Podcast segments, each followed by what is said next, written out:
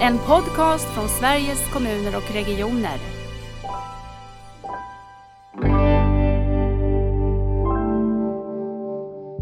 Då kan vi inte sitta år ut och år in och säga att alltså, vi kan, inte ens, vi kan inte ens dela en yta för minnesanteckningar med våra samverkanspartners för att alla kommer inte åt den då.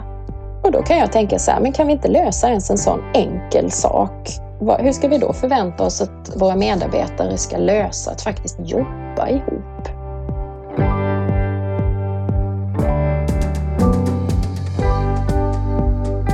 Så vi har slagit in på en rätt arbetsam väg kan man säga, där vi vill involvera många och väldigt brett.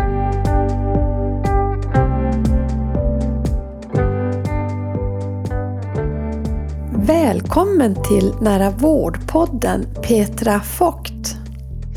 Tack så mycket. Det känns ju som ett privilegium så här eh, mitt i dagen att få sitta här och prata lite. Ja, men det är verkligen ett privilegium för oss att få ha dig med. Berätta, vem är du? Eh, ja, vem är jag? Petra Fogt som sagt eh, heter jag. Jag är, jag är läkare. Det är väl så. Jag är specialist i allmänmedicin i botten. Sen så spårade jag ganska tidigt in på chef och ledarskapsspåret. Så det får jag väl säga att det är liksom den Eh, den kompetens som jag har mest aktuell. Eh, mm. Och sen på pappret idag så är jag hälso och sjukvårdsstrateg. Så mm. jobbmässigt så är det väl eh, de tre sakerna jag är. Och sen har jag ju ett, ett ganska nytt uppdrag här nu också som ordförande i regionernas kunskapsstyrningssystem i nationella primärvårdsrådet. Just det. Eh, så det är väl det jag är på jobbsidan. Privat så är jag väl eh, mest eh, mamma. Nu är de tonåringar men det är en ganska häftig tid att vara förälder med barn i den storleken. Mm. Mm. Det förstår jag att det är. Eh, jag tänker på det här, hur hamnade du just i allmänmedicinen? Var det någonting som var självklart för dig? Nej, det var det verkligen inte. Det var nog ganska mycket en eh, slump får man väl säga. Jag eh, började ju inte ens läsa medicin för att jag skulle bli läkare utan jag hade fått för mig på olika vägar att jag skulle jobba med läkemedelsforskning. Mm. Så det var lite det som var ingången och eh, jag gick en sån här eh, läkarutbildning med forskningsinriktning som fanns i eh, Uppsala då och började också forska på klinisk farmakologi under studietiden och sen så skrev jag min avhandling under läkarstudierna och hade ett par studieuppehåll för det. Sen när jag var färdig med det och hade ett år kvar på utbildningen så kände jag ändå att jag ville vara bara läkarstudent där ett år och efter det så mm. ville jag göra min AT och en ST. Men det var inte så att jag visste precis vad jag ville bli. Jag hade nog kunnat tänka mig patolog till exempel för mm. forskningssidan eller onkolog möjligen. Mm. Det låg ganska nära min forskning då. Eh, men sen så eh, gjorde jag en eh, landsorts AT får man väl säga. Mm. Gjorde flera placeringar på ett litet landsortssjukhus i Sala och min eh, primärvårdsplacering eh, i Heby.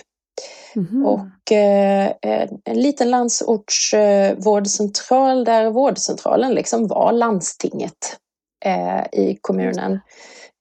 Trivdes otroligt bra där. En, en jätteväl fungerande arbetsplats och en superengagerad och duktig chef. Så det var lite så att kan jag få möjlighet att få jobba på en så här välfungerande arbetsplats och med en bra chef under fem års tid så kan jag absolut tacka ja till en ST här och låtsas att jag vill bli allmänmedicinare. Det var faktiskt mm. lite så det var. Mm. Men eh, jag lärde mig att uppskatta det otroligt mycket. Jag, jag, tycker nog att, ehm, att jobba som distriktsläkare är ett av de häftigaste jobb man kan ha för man får man får ju folks liv i gåva hela dagarna. Mm. Folk sitter och berättar saker som de kanske aldrig har berättat för mm. någon och som de inte delar med någon annan. Och man får möjlighet att hjälpa dem att ha det bättre i det livet som de har delat med sig av. Så det är ett otroligt eh, häftigt jobb. Jag trivdes väldigt, väldigt bra med det. Eh, sen fick jag möjlighet att ta över som chef på den vårdcentralen och sen blev det liksom på den vägen. Eh, så det var lite slump att det blev allmänmedicin, men jag är väldigt glad för att det blev så. Det är en ganska stor del av min yrkesmässiga identitet ändå. Ja, det tänker jag också när man träffar dig. Jag tycker det är så fint både det du berättar om, om eh, jobbet som allmänläkare och också chefskapet. Men om vi stannar där lite allmänläkeriet och primärvården och, och det här eh, att komma nära människor. Kan du inte utveckla det lite mer? Vad, hur skulle du vilja att det där såg ut framåt? Och, eh, om du fick nu som strateg vara med och få, det får du ju vara med och forma. Ja, jag får ju det. Mm.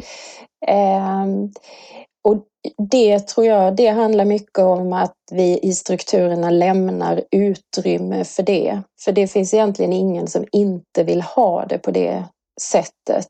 Eh, befolkningen och de som är sjuka, så att vi får anledning att kalla dem patienter, eh, de vill ha en relation till den som ska vårda dem den dagen det behövs. Och de som jobbar i, i eh, första linjens vård eller på den primära vårdnivån vill också känna sina mm. patienter för det gör det mer givande, det gör det mycket enklare och det ger högre kvalitet.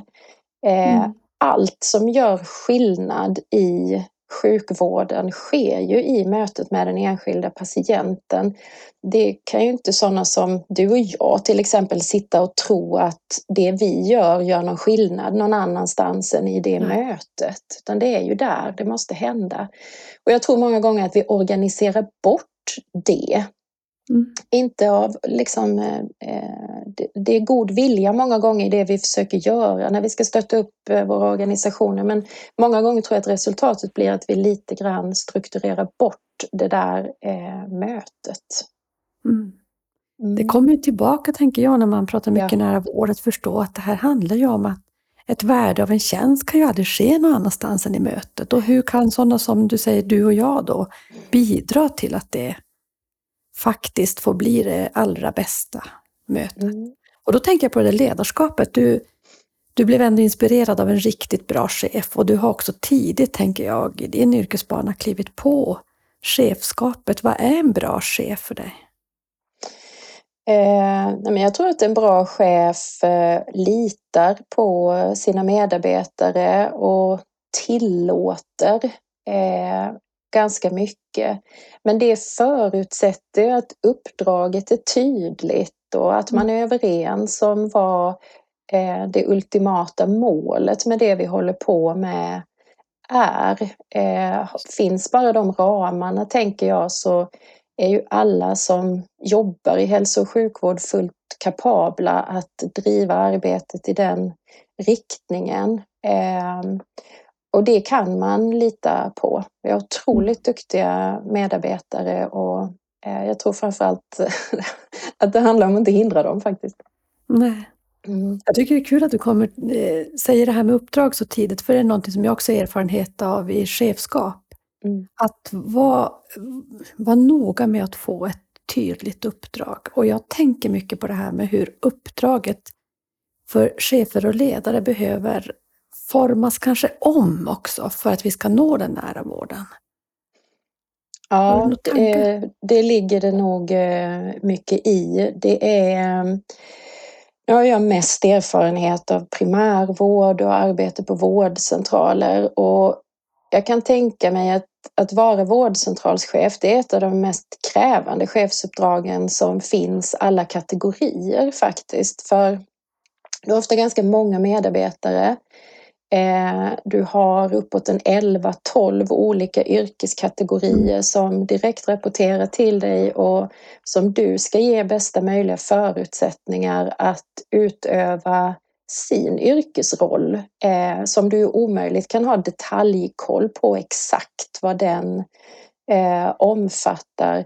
Du har en massa lagrum att förhålla dig till. Eh, det är ju verksamhetschefen som är ytterst ansvarig för hela mm. innehållet. Eh, mm.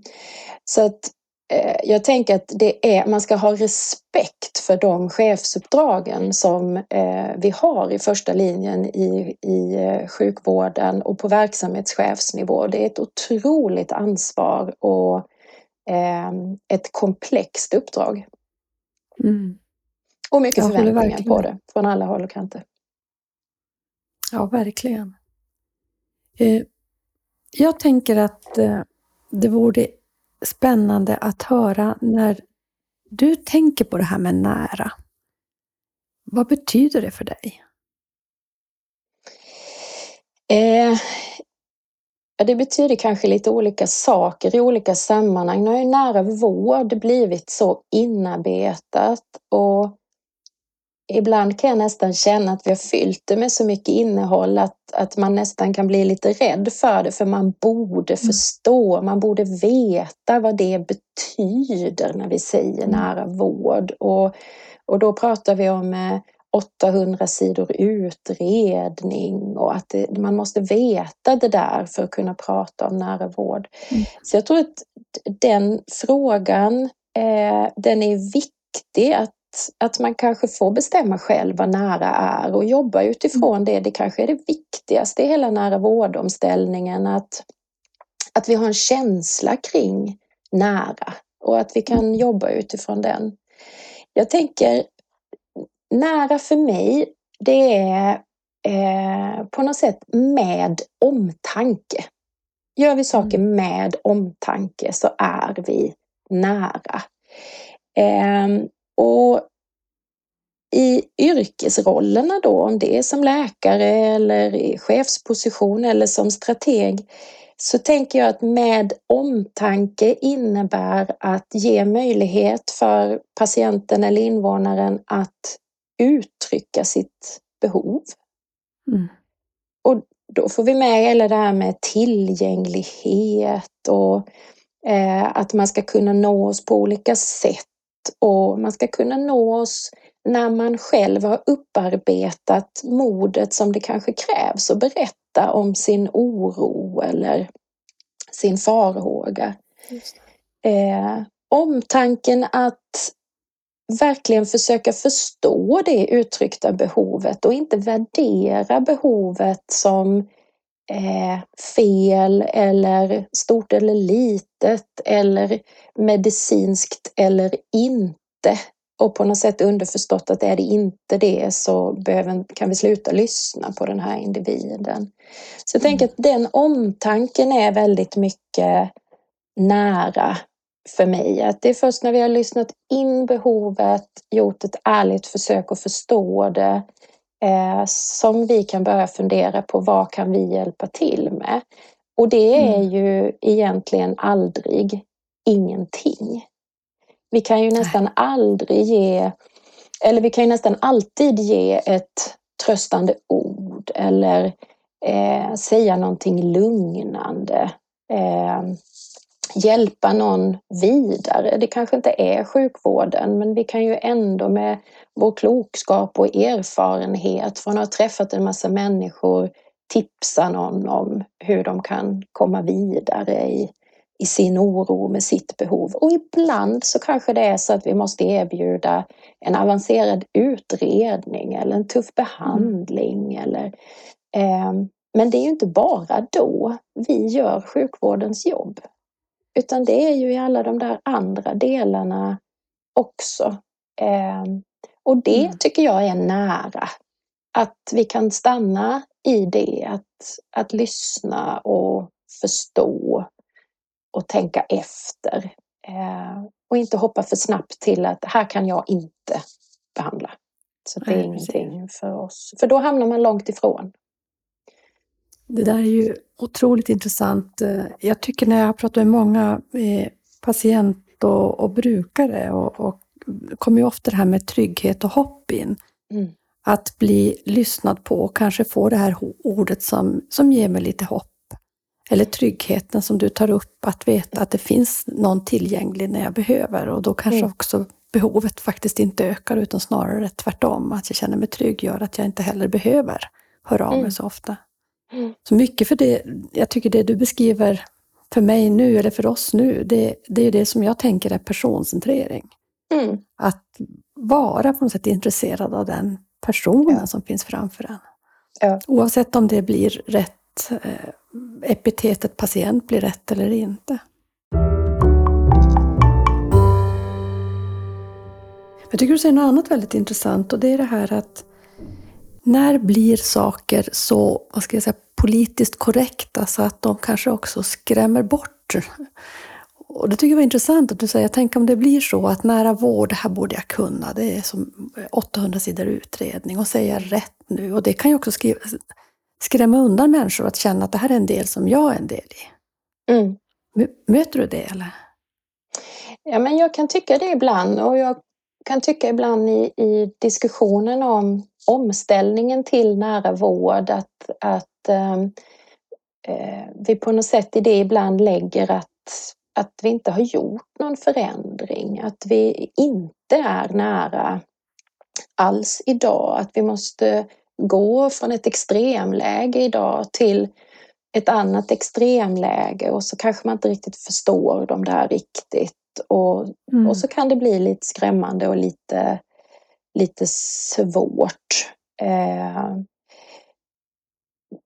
och, och det, det, kan bli ganska mycket lingo, att man får en känsla av att vissa är insatta eh, och, och då kanske inte jag som inte vet ska säga vad jag tänker nu. Eller att det blir, att det blir eh, lite internt. Liksom, för att vissa kan det som ett rinnande vatten på något sätt. Mm. Eh, det där formella innehållet i det. Men man kanske kan göra lika mycket nytta i de här processerna utan att känna till det. Bara ha en förståelse för hur vi tänker kring nära. Vilken riktning är det? Ja, det är ju mm. det här relationella och att tillåta oss på något sätt att vara människor och att se varandra som människor. Eh, det räcker ju ganska långt. Mm.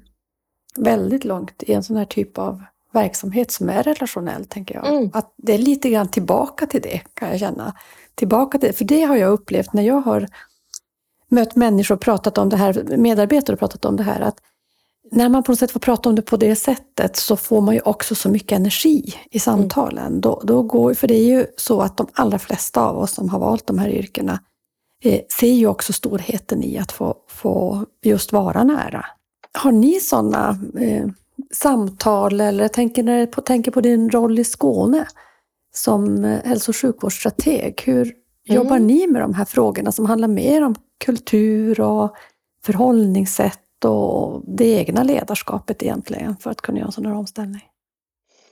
Eh, vi gör ju ett jättebrett anslag med det här eh, i Skåne nu och det är häftigt, det är utmanande och lite läskigt. Eh, nära vård eh, är ju en del av den stora transitionen som vi upplever att vi behöver göra i Skåne och är igång med. Som sagt, det är inte en tydlig början och tydligt slut egentligen, mm. utan det är ju en, en rörelse. Eh, vi har valt att jobba jättebrett med stora grupper, eh, både strategiska och operativa grupper, bred representation. Eh, vi har kommunerna med eh, väldigt tydligt. Det är en jätteutmaning.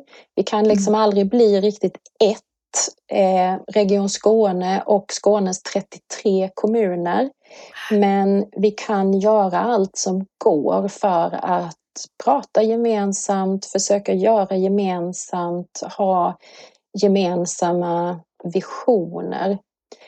Eh, så att vi har slagit in på en rätt arbetsam väg kan man säga, där vi mm. vill involvera många och väldigt brett. Vi tänker inte på det som bara en hälso och sjukvårdsfråga, den här transitionen, utan jag jobbar nu som strateg på det vi kallar för framtidskontoret som ligger direkt under regiondirektören och det innebär att vi har med eh, Skånetrafiken, vi har med regional utveckling. Det är hela mm. Region Skåne och eh, det är mm. hela Skåne. För som sagt, vi har kommunerna och eh, eh, privata sektorn och civilsamhället också i detta. Mm. Det är spännande det är arbete. Ja, ja, verkligen. Det är ju verkligen en, ska jag säga, förnyelse av välfärden egentligen. Mm. Som ni gör. Ja. Eh, hur ser din vardag ut då? Vad, vad, vad, gör man på ett framtidskontor? Det är lite häftigt att få jobba på ett framtidskontor. Ja, det är lite häftigt att få jobba på framtidskontoret. Eh, nej, ja, vardagen idag ser väldigt mycket ut så att jag sitter framför en skärm och har Teams-möten i, i mm. ärlighetens namn. Både i eh, strategarbetet i, i Skåne och eh, eh arbetet som eh, ordförande för det nationella primärvårdsrådet. Vi, vi träffas ju inte eh, mer än digitalt. Det är mycket möten, det är mycket relationsbyggande, det är mycket utbyte av tankar och idéer. Eh, det är mycket eh, att försöka samla ihop eh, begrepp och riktningar under lite olika hattar få mm. ihop det till delstrategier. Hur ska vi tänka kring digitalisering? Så att vi får de här ramarna som alla sen kan liksom känna att jo, men jag är inom här, jag kan jobba på i den här eh, riktningen. Eh, hur tänker vi med den fysiska infrastrukturen i, i framtidens hälsosystem? Eh, mm. Var vårdar vi våra patienter? Eh, vad är platsen? Eh, ja, den kanske inte, vi kanske inte kan definiera den så mycket mer som patienten är platsen. Eh, så att, sånt där håller vi på och vrider och vänder med. Och som sagt, vi gör det i ganska stora grupper för att de diskussionerna ska vara väl spridda i systemet. Att vi gör den här tankeresan också eh, mm. tillsammans. Det låter som att det kan få ganska stora eh, konsekvenser för hur, hur skånsk eh, välfärd kommer att se ut framåt. Om man tänker platsen, det är personen till exempel. Ja. Det är otroligt utmanande. Ja. Mm. Eh, det kanske det är, fast också ganska naturligt. Så är det ju, och det har ju coronapandemin katalyserat mycket det gäller ju för shopping till exempel. Det gäller mm. för bankärenden. Det gäller för mm. Eh, apoteksärenden. Eh, jag är ju platsen för min shopping och min mm. det har ju blivit väldigt mycket så och ja, mm. det, egentligen är det nog ganska naturligt att tänka så kring, kring vård och omsorg också. Det kom upp en jätterolig kommentar i en sån diskussion kring att vårda mer i hemmet. Att mm. Eh, då kanske vi från hälso och sjukvårdssystemet måste påverka byggstandarden för privata hem. Oh, och då känner man så här, nu har vi öppnat upp lådan ordentligt. Eller eh, hur? Det kanske är så att vi behöver verkligen tänka oss loss i, ur det som är. Ja då kommer, tänker jag ju också att hela utbildningssystemet kommer måste ändras. Våra sätt att, att äh, verkligen se oss som gäster i människors liv och inse mm. att hälsa skapas ju i människors liv. Det skapas ju inte hos oss på något sätt i våra byggnader. Och, och så, så det finns ju så mycket saker som man skulle vilja kunna, många olika spår man vill gå in i, mm. i de här frågorna. Mm. Eh, har ni någon plan för, har ni tidsatt en plan i Skåne när ni behöver ha vissa saker eh, gjorda eller är ni i ett uppstartsskede? Eller hur ska ja, vi är i full gång med det. Det ska sättas mm. milstolpar och eh, det ska sättas mål på, i ett tioårsperspektiv till att börja med. Ehm, mm. Så att vi är mitt i det. Mm. Och där inser vi ju ganska snart att eh, det är lite olika horisont på eh, att ställa om ett arbetssätt eller digitalisera en eh, avgränsad process eller mm. bygga nytt. De byggnader vi ändå ska ha naturligtvis för att bedriva vård i som, vi ska, som ska vara till bara för det. Eh, det, det, är väldigt olika tidshorisonter på det där. Mm. Eh, har ni någon, något samtal med skåningarna då? Ja, det har vi och det är också en eh, grupp som sitter specifikt med det nu, hur vi ska få till det på bästa sätt kanske jag inte ska säga, för det måste hända på många olika sätt. Eh, både involvering av representanter i alla de här eh, grupperingarna naturligtvis, eh, enkätmöjligheter, paneler av olika slag. Mm. Ehm, mm, så att det pågår ett ganska intensivt arbete kring det också. Hur vi på riktigt får med oss invånarnas röst i detta. Eh, för det har vi ju konstaterat så många gånger, även om vi är invånare allihopa och vi kanske till och med är patienter ibland, så har ju vi en alldeles för stor förförståelse av systemet för att mm. riktigt kunna ha den hatten på fullt ut mm. i en sån diskussion. Utan vi färgas ju väldigt mycket av våra... Vi är så medvetna om våra tillkortakommanden till exempel. Mm. Eh, på ett sätt som en invånarrepresentant inte behöver vara utan kan ha en, en mer faktisk förväntan på vad man skulle vilja ha. Liksom. Precis, och min, min egen erfarenhet är att det blir så himla mycket dynamik i samtalet när vi samtalar tillsammans med de som kanske är patienter och kommer vanligtvis till vår mottagning eller vår hälsocentral eller vad det kan vara. För de har ju ändå en annan blick på, de ser ju på vår verksamhet på ett annat sätt och det ger ju så mycket att få sitta och medarbetare som möter också de som inte bara kommer till dem som patient utan nu får möta dem i ett typ av utvecklingssammanhang och få prata om saker. Det, det är ju otroligt eh, berikande. Ja. Mm. Så är det. Vi har ju haft, eh, eller vi har, jättemycket patienter med i eh, vårt, vårt stora delprojekt om man säger med en ny digital vårdmiljö, SDV. Eh, där vi har invånarrepresentanter som har varit med hela tiden från början, som är anställda i det projektet och som mm. har tillfört otroligt mycket längs vägen. Mm. Och det vi hoppas nu att vi ska kunna eh, utvidga det mer till, till helheten. Och det är väl mycket det vi tänker i detta, att vi måste få saker till helheter, inte separata projekt som hanteras Nej. av vissa utvalda, utan att vi har Allting är utveckling på något mm. sätt eh, mm. och behöver få vara det och vi behöver lära av det som händer på ett ställe i andra delar också. Mm. Jag tänker att det är nog eh, kanske det mest, eller väldigt utmanande i alla fall, att vi går ju från ett system som är mycket mer uppdelat i delar till att tänka mycket mer nätverk och saker och ting hänger ihop. Och då blir det lite svårare att eh, alltså, lätt greppa för oss som människor och då kan det bli lite, kännas lite obekvämt. Men jag tror att vi måste också våga vara i det där att det är komplext och det eh, är många saker som, som jackar i varandra och försöka tänka mer nätverk så mm. i våra byggen. Ja. Men om du skulle se på omställningen till nära vård då, eh, vilka delar skulle du vilja lyfta fram som särskilt viktiga om vi skulle tänka lite strategiskt? Vad är viktigt att eh, få på plats eller jobba med? Eller hur tänker du? Eh, nej men jag jag tror som jag sa att stora delar av det handlar om att lämna utrymme till att också låta delar av eh, detta hända.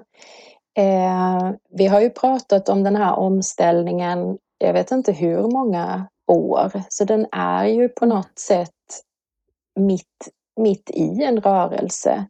Men det är ju som att någonting hindrar oss från att faktiskt kliva vidare i detta. Som att det inte faller sig riktigt naturligt. Trots som du säger att eh, det kanske var mer så här vi jobbade tidigare. Det finns gott om medarbetare så som är vana vid att jobba nära och med kontinuitet och tillgänglighet. Men Ändå är det någonting i detta nu som gör att det inte riktigt faller sig naturligt och jag tror att det är en del hinder Och de mm. kanske har blivit tydligare ju högre våra ambitioner är. Det hindrar oss att vi inte har gemensam journal nationellt till exempel.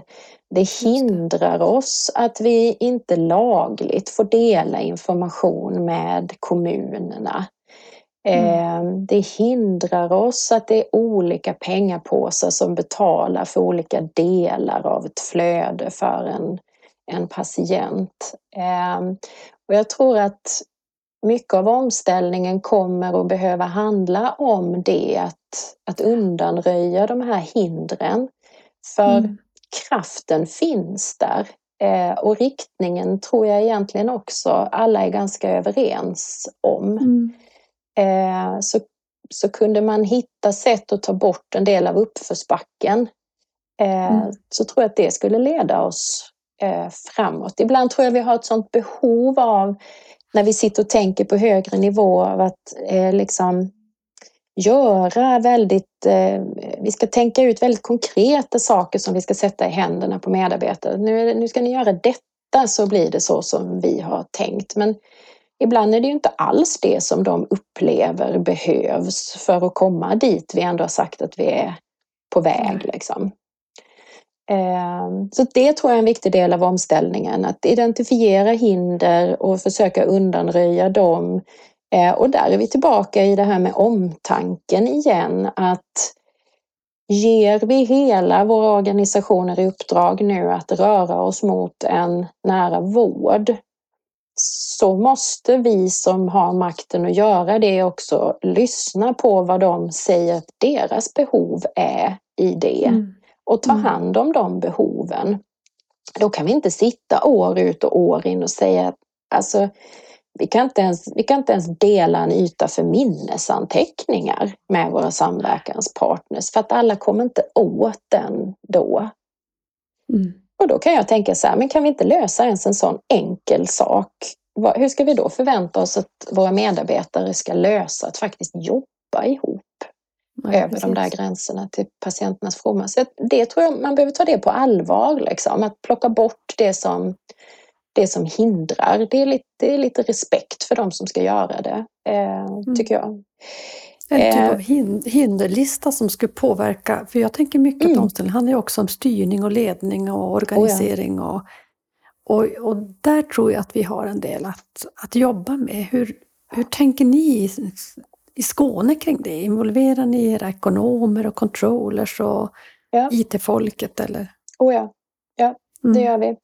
Eh, och jag skulle säga att de delarna är jätteengagerade i detta. Det har inte mm. behövt så dra med dem. Eh, utan de är superengagerade i detta och vill egentligen ingenting hellre än att få anpassa sig, eller vad jag ska säga, eh, bjuda fram det som vi säger att vi behöver för att göra det vi vill göra. Men vi har lite svårt för det.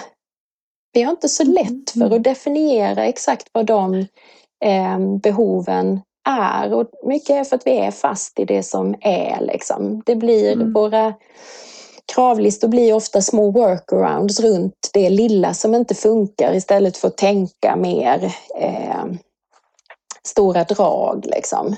Eh, visst, vi behöver ekonomiska ersättningssystem naturligtvis. Mm. Men vi kanske inte behöver så mycket ekonomisk styrning. Ja, kanske det. behöver annan styrning.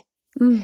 Eh, men då blir det lite så här, ja, fast ska vi göra det där då måste vi ha en styckesättning på det och så är vi i det mm. där lilla liksom.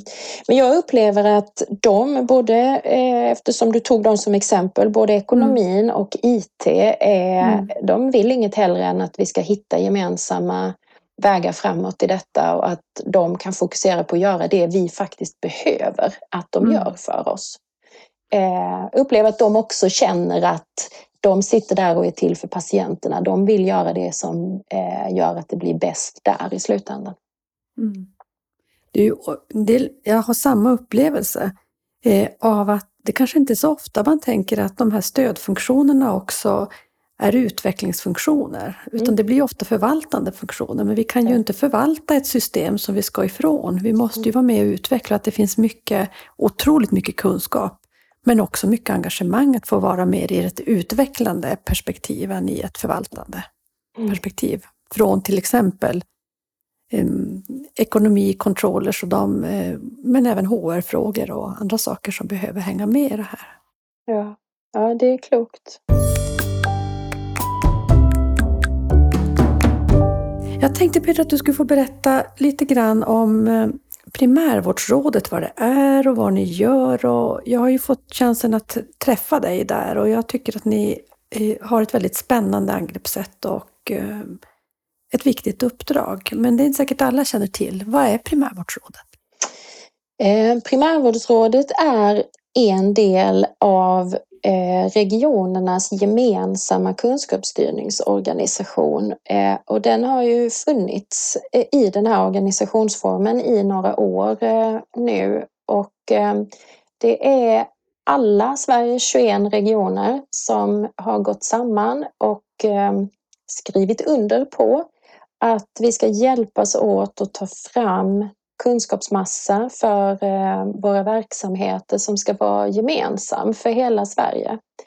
Eh, vi ska hjälpas åt att ta fram den och eh, man är också överens om att det som tas fram sen ska användas och komma hela Sveriges befolkning till del. Så att alla som söker som patient oavsett var i Sverige kan lita på att samma kunskapsmassa finns med i bakgrunden av de bedömningar som görs av deras eh, besvär eller sjukdom. Mm. Eh, och då är det indelat i eh, ett antal programområden kallar vi dem. De är 26 stycken tror jag nu och primärvårdsrådet är en sån del och har lite av en särställning för mm. vi har inget primärt ansvar för några diagnoser eller patientgrupper i det här systemet. Utan vi jobbar tätt ihop med de andra områdena som är mer eh, organspecifika eller patientgruppsuppdelade, ehm, eh, kan man säga. Eh, tanken är ju att eh, allt som tas fram i det här systemet, allt gemensamt kunskapsunderlag och många gånger handlar ju det om eh, massor som redan finns men behöver struktureras upp på ett sätt och framförallt göras åtkomliga. För som du och jag pratade om här nyss, det är ju först när någonting är användbart i det enskilda patientmötet som det gör någon riktig mm. nytta. Så att nationella riktlinjer, vårdförlopp och så ska brytas ner och göras åtkomliga så att man faktiskt kan ha glädje av dem i det enskilda patientmötet. Eh, och där är ju eh, primärvårdsarbetet lite speciellt i det att där kommer ju inte patienterna med en färdig diagnos in. Utan där kommer man med symptom eller en oro, en tanke. Mm. Eh, och, eh, och det gör att eh, en del av de här kunskapsmassorna behöver struktureras om på ett sätt så att de blir användbara då på primärvårdsnivån. Man kan inte börja leta efter en färdig diagnos om man inte har en färdig diagnos utan då måste man kunna komma in i materialet från ett annat håll. Så det är lite vårt, vårt ansvar där. Just det. Och så är ni en grupp med, vad är det för personer som du har runt i det här rådet? Då? Ja, det är ju en jättehäftig församling. Mm. Eh, hela systemet eh, bygger på representation från de sex stora sjukvårdsregionerna. Då. Och eh, i primärvårdsrådet eh, så är det riggat så att vi har en specialist i allmänmedicin eh, från varje sjukvårdsregion. Det är sex personer. Ehm, sen har vi en annan primärvårdsprofession från varje utav de sex. Det blir 12 personer. Mm. Och sen har vi en kommunal representant från en kommun i vardera av de sex sjukvårdsregionerna som ju då inte kan representera alla kommuner i sin sjukvårdsregion men, men som representerar det kommunala perspektivet mm. och hela den klokskapen. Mm. Så att vi är ett tjugotal. Eh, sen har vi adjungerade medlemmar från SKR och från primärvårdskvalitet. Mm. Eh, så det är en maffig församling och eh, ofantligt mycket kompetens och erfarenhet av svensk primärvård. Verkligen, och jag tycker att det är ju en dynamik när ni har också både kommunala och regionala representanter, vilket inte är fallet i alla delar av kunskapsstyrningsorganisationen. Mm. Och agendorna då, vad pratar ni om där då? Ja, eh, vi, pratar, vi pratar fortfarande ganska mycket form. Hur mm. vi ska göra eh, vårt arbete, hur vi ska få genomslag, hur vi ska fånga in relevanta frågor. Eh, vi håller på och delar upp oss nu i lite arbetsutskott och så. 20 personer är en ganska stor grupp att ha alla diskussioner i. Det blir inte nödvändigtvis så effektivt. Ehm, och sen så har vi ju ett par arbetsgrupper också. Så ser ju hela arbetet i kunskapsstyrningen ut, att de här programområdena sen inrättar arbetsgrupper som jobbar lite mera praktiskt mm. och ehm, eh, det har vi några igång och några på G. Mm. Och de agerar ju vi styrgrupp för då. Vad kan de göra, de som är igång? Så får vi ja, eh, vi har eh, en gruppering som eh, har lämnat ifrån sig sin produkt kan man säga eh, och som har tittat på över och underdiagnostik och behandling och eh, och det, det handlar ju om att jobba på primärvårdsnivå på något sätt. Mm. Att eh, göra lite i taget och göra lagom och så. Och eh, det har de tagit fram ett material i relation till hur till exempel de här nya personcentrerade standardiserade vårdförloppen tas fram. Eh, då har den arbetsgruppen tagit fram en checklista kallar vi den i brist på ett bättre ord, men så att de aspekterna blir beaktade i hela det arbetet när ett, mm. eh, ett nytt vårdförlopp Eh, tas fram. Att, att man inte lockas till att dyka rakt in i de mest avancerade utredningarna och så, utan att utredningen får ha sin, sin gång, även på primärvårdsnivå först, eller mot mm. slutet av ett förlopp. Mm. Eh, så de är igång och de kommer att få eh, lite förnyat uppdrag nu och titta på hur fungerar de här olika kunskapsstöden vi tar fram för den som är multisjuk. Eh, för där är också en sån Precis. sak att då finns det separata vårdförlopp för olika diagnoser mm. och i primärvården eh, så vet vi fullt väl att många av våra patienter de lider ju av, av mer än ett tillstånd och har flera diagnoser och man kan inte separat knöla in dem i olika förlopp då utan eh, de behöver kunna anpassas eller de behöver vara utformade på ett sätt så att den den egna medicinska skickligheten går att applicera ihop med själva kunskapsstödsinformationen. Så mm. det kommer de eh, med största sannolikhet att jobba med här eh, framöver och titta på det. Åh, oh, så bra! För det är mm. verkligen något man kan grunna på när vi vet att, att det vi får allt fler av, det är ju människor som lever med många sjukdomar ja. samtidigt och under ja. väldigt lång tid. Och att eh, vi måste ha ett system som kan möta möta den komplexiteten. Absolut. Så det låter jättebra. Och det är ju dubbelt. Eh, komplexiteten behöver mötas men de har ju också rätt till exakt samma eh, relevanta kunskap mm. när de bedöms eh, mm. i sina olika diagnoser som den som bara mm. har en diagnos. Så det är viktigt åt mm. båda hållen. Verkligen. Jag har ju fått vara med lite grann också i ett arbete där både eh, vi från SKR och Socialstyrelsen var inblandade där, där ni har velat från Primärvårdsrådet att jobba lite med kulturfrågorna också. Mm. Kan du säga något om det? Ja, eh, som sagt det är ju ett, ett eh, spännande arbete vi har gjort eh, ihop med er och det är ju också eh, i någon mån träning för oss också att jobba tillsammans eh, mm. och över lite olika strukturella gränser och så. Men eh, vi, vi gjorde ju tillsammans med eh, er bland annat, vi, vi eh, tog fram, och det var inte på något avancerat sätt alls, men personas kallade vi det då, eller patientfall mm. kan man ju kalla det om man vill det. Men det är ju beskrivningar av människor med en livssituation och eh, någon eller några diagnoser. Eh, och så har vi jobbat utifrån dem.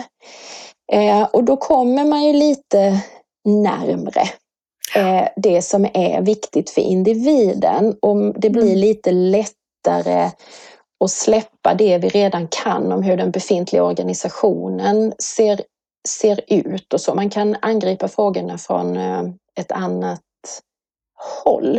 Eh, mm. Det gör också, kan jag tycka, att man blir lite mer jämlika eh, i ett resonemang och en diskussion. För mm människor med någon slags livssituation och kanske med diagnoser, det träffar vi ju alla eh, hela tiden. Så det kan på något sätt alla relatera till och man kan, man kan ganska lätt sätta sig in i eh, vad de nog skulle önska och behöva. Och så måste man inte tänka exakt vad min organisation är riggad för att klara i det där sammanhanget just idag. Utan Nej. det blir lite mer jämlikt i samtalen tycker jag.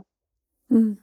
Jag tycker också det var ett sätt att eh, eller ett sätt att komma åt sina egna vad ska, fördomar eller sitt eget ganska sätt att dra slutsatser om människor. Jag vet att mm. det, ett av fallen handlar, nu får du hjälpa mig Petra, jag kommer ihåg, om en person som eh, var egenföretagare, men det var någonting annat, nu kommer jag inte ihåg. Jag vet att, ja, så hade hon nog psykisk ohälsa. Ja, just det. Och sen tror jag hon hade någon somatisk diagnos också som hon inte skötte riktigt när hon var dålig psykiskt. Ungefär så mm. tror jag det fallet var, var formulerat. Precis. Mm. Och jag vet att du sa någonting där, man redovisade och sa att ja, så hon ju eh, egenföretagare och då lär hon ju vara, ja man tänker på ett visst sätt när man tänker egenföretagare mm. och så säger du, ja hon kanske är egenföretagare för att hon eh, anställer sina egna personliga assistenter till exempel. Att man, mm. man ser olika saker när man börjar jobba med mm, att sätta sig in vad personer har, mm, har med sig på något sätt. Ja. Ja, det är som du mm. säger, det blir lite, ens fördomar blir lite nakna. Man blir lite avklädd. Liksom. Ja, det är så otroligt viktigt också, för det är det man utvecklas av. Ja. Eh, ja, du, du, har ju redan fått frågan om vad som är nära för dig. Det brukar vi sluta med i Nära vårdpodden, men jag tänkte därför att du skulle få uh, sluta med en liten önskan om vad du ser av framtiden när det gäller nära vård. Du jobbar ju på ett framtidskontor. Ja. Så, så vad är din önskan?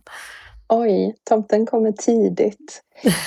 eh, min önskan är att vi jobbar med detta med mänsklighet, eh, med nyfikenhet och respekt för varandra. Eh, jag tror att det är det framkomligaste.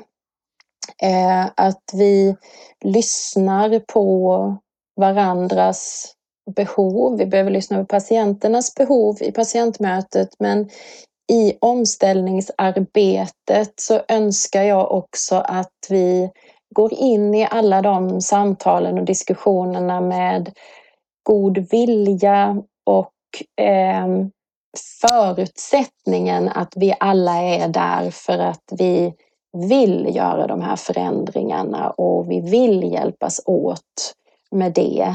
Eh, och inte det omvända, att vi, vi sitter med känslor av att någon bara är omöjlig eller aldrig vill bjuda till eller så, utan att vi verkligen eh, försöker ha ett, ett mänskligt och positivt eh, anslag i detta. För jag, jag, tror att vi kommer ganska långt bara med eh, den inställningen.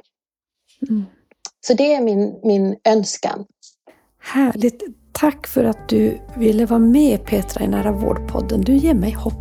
Tack så mycket. Jätteroligt att göra detta ihop. Tack så mycket.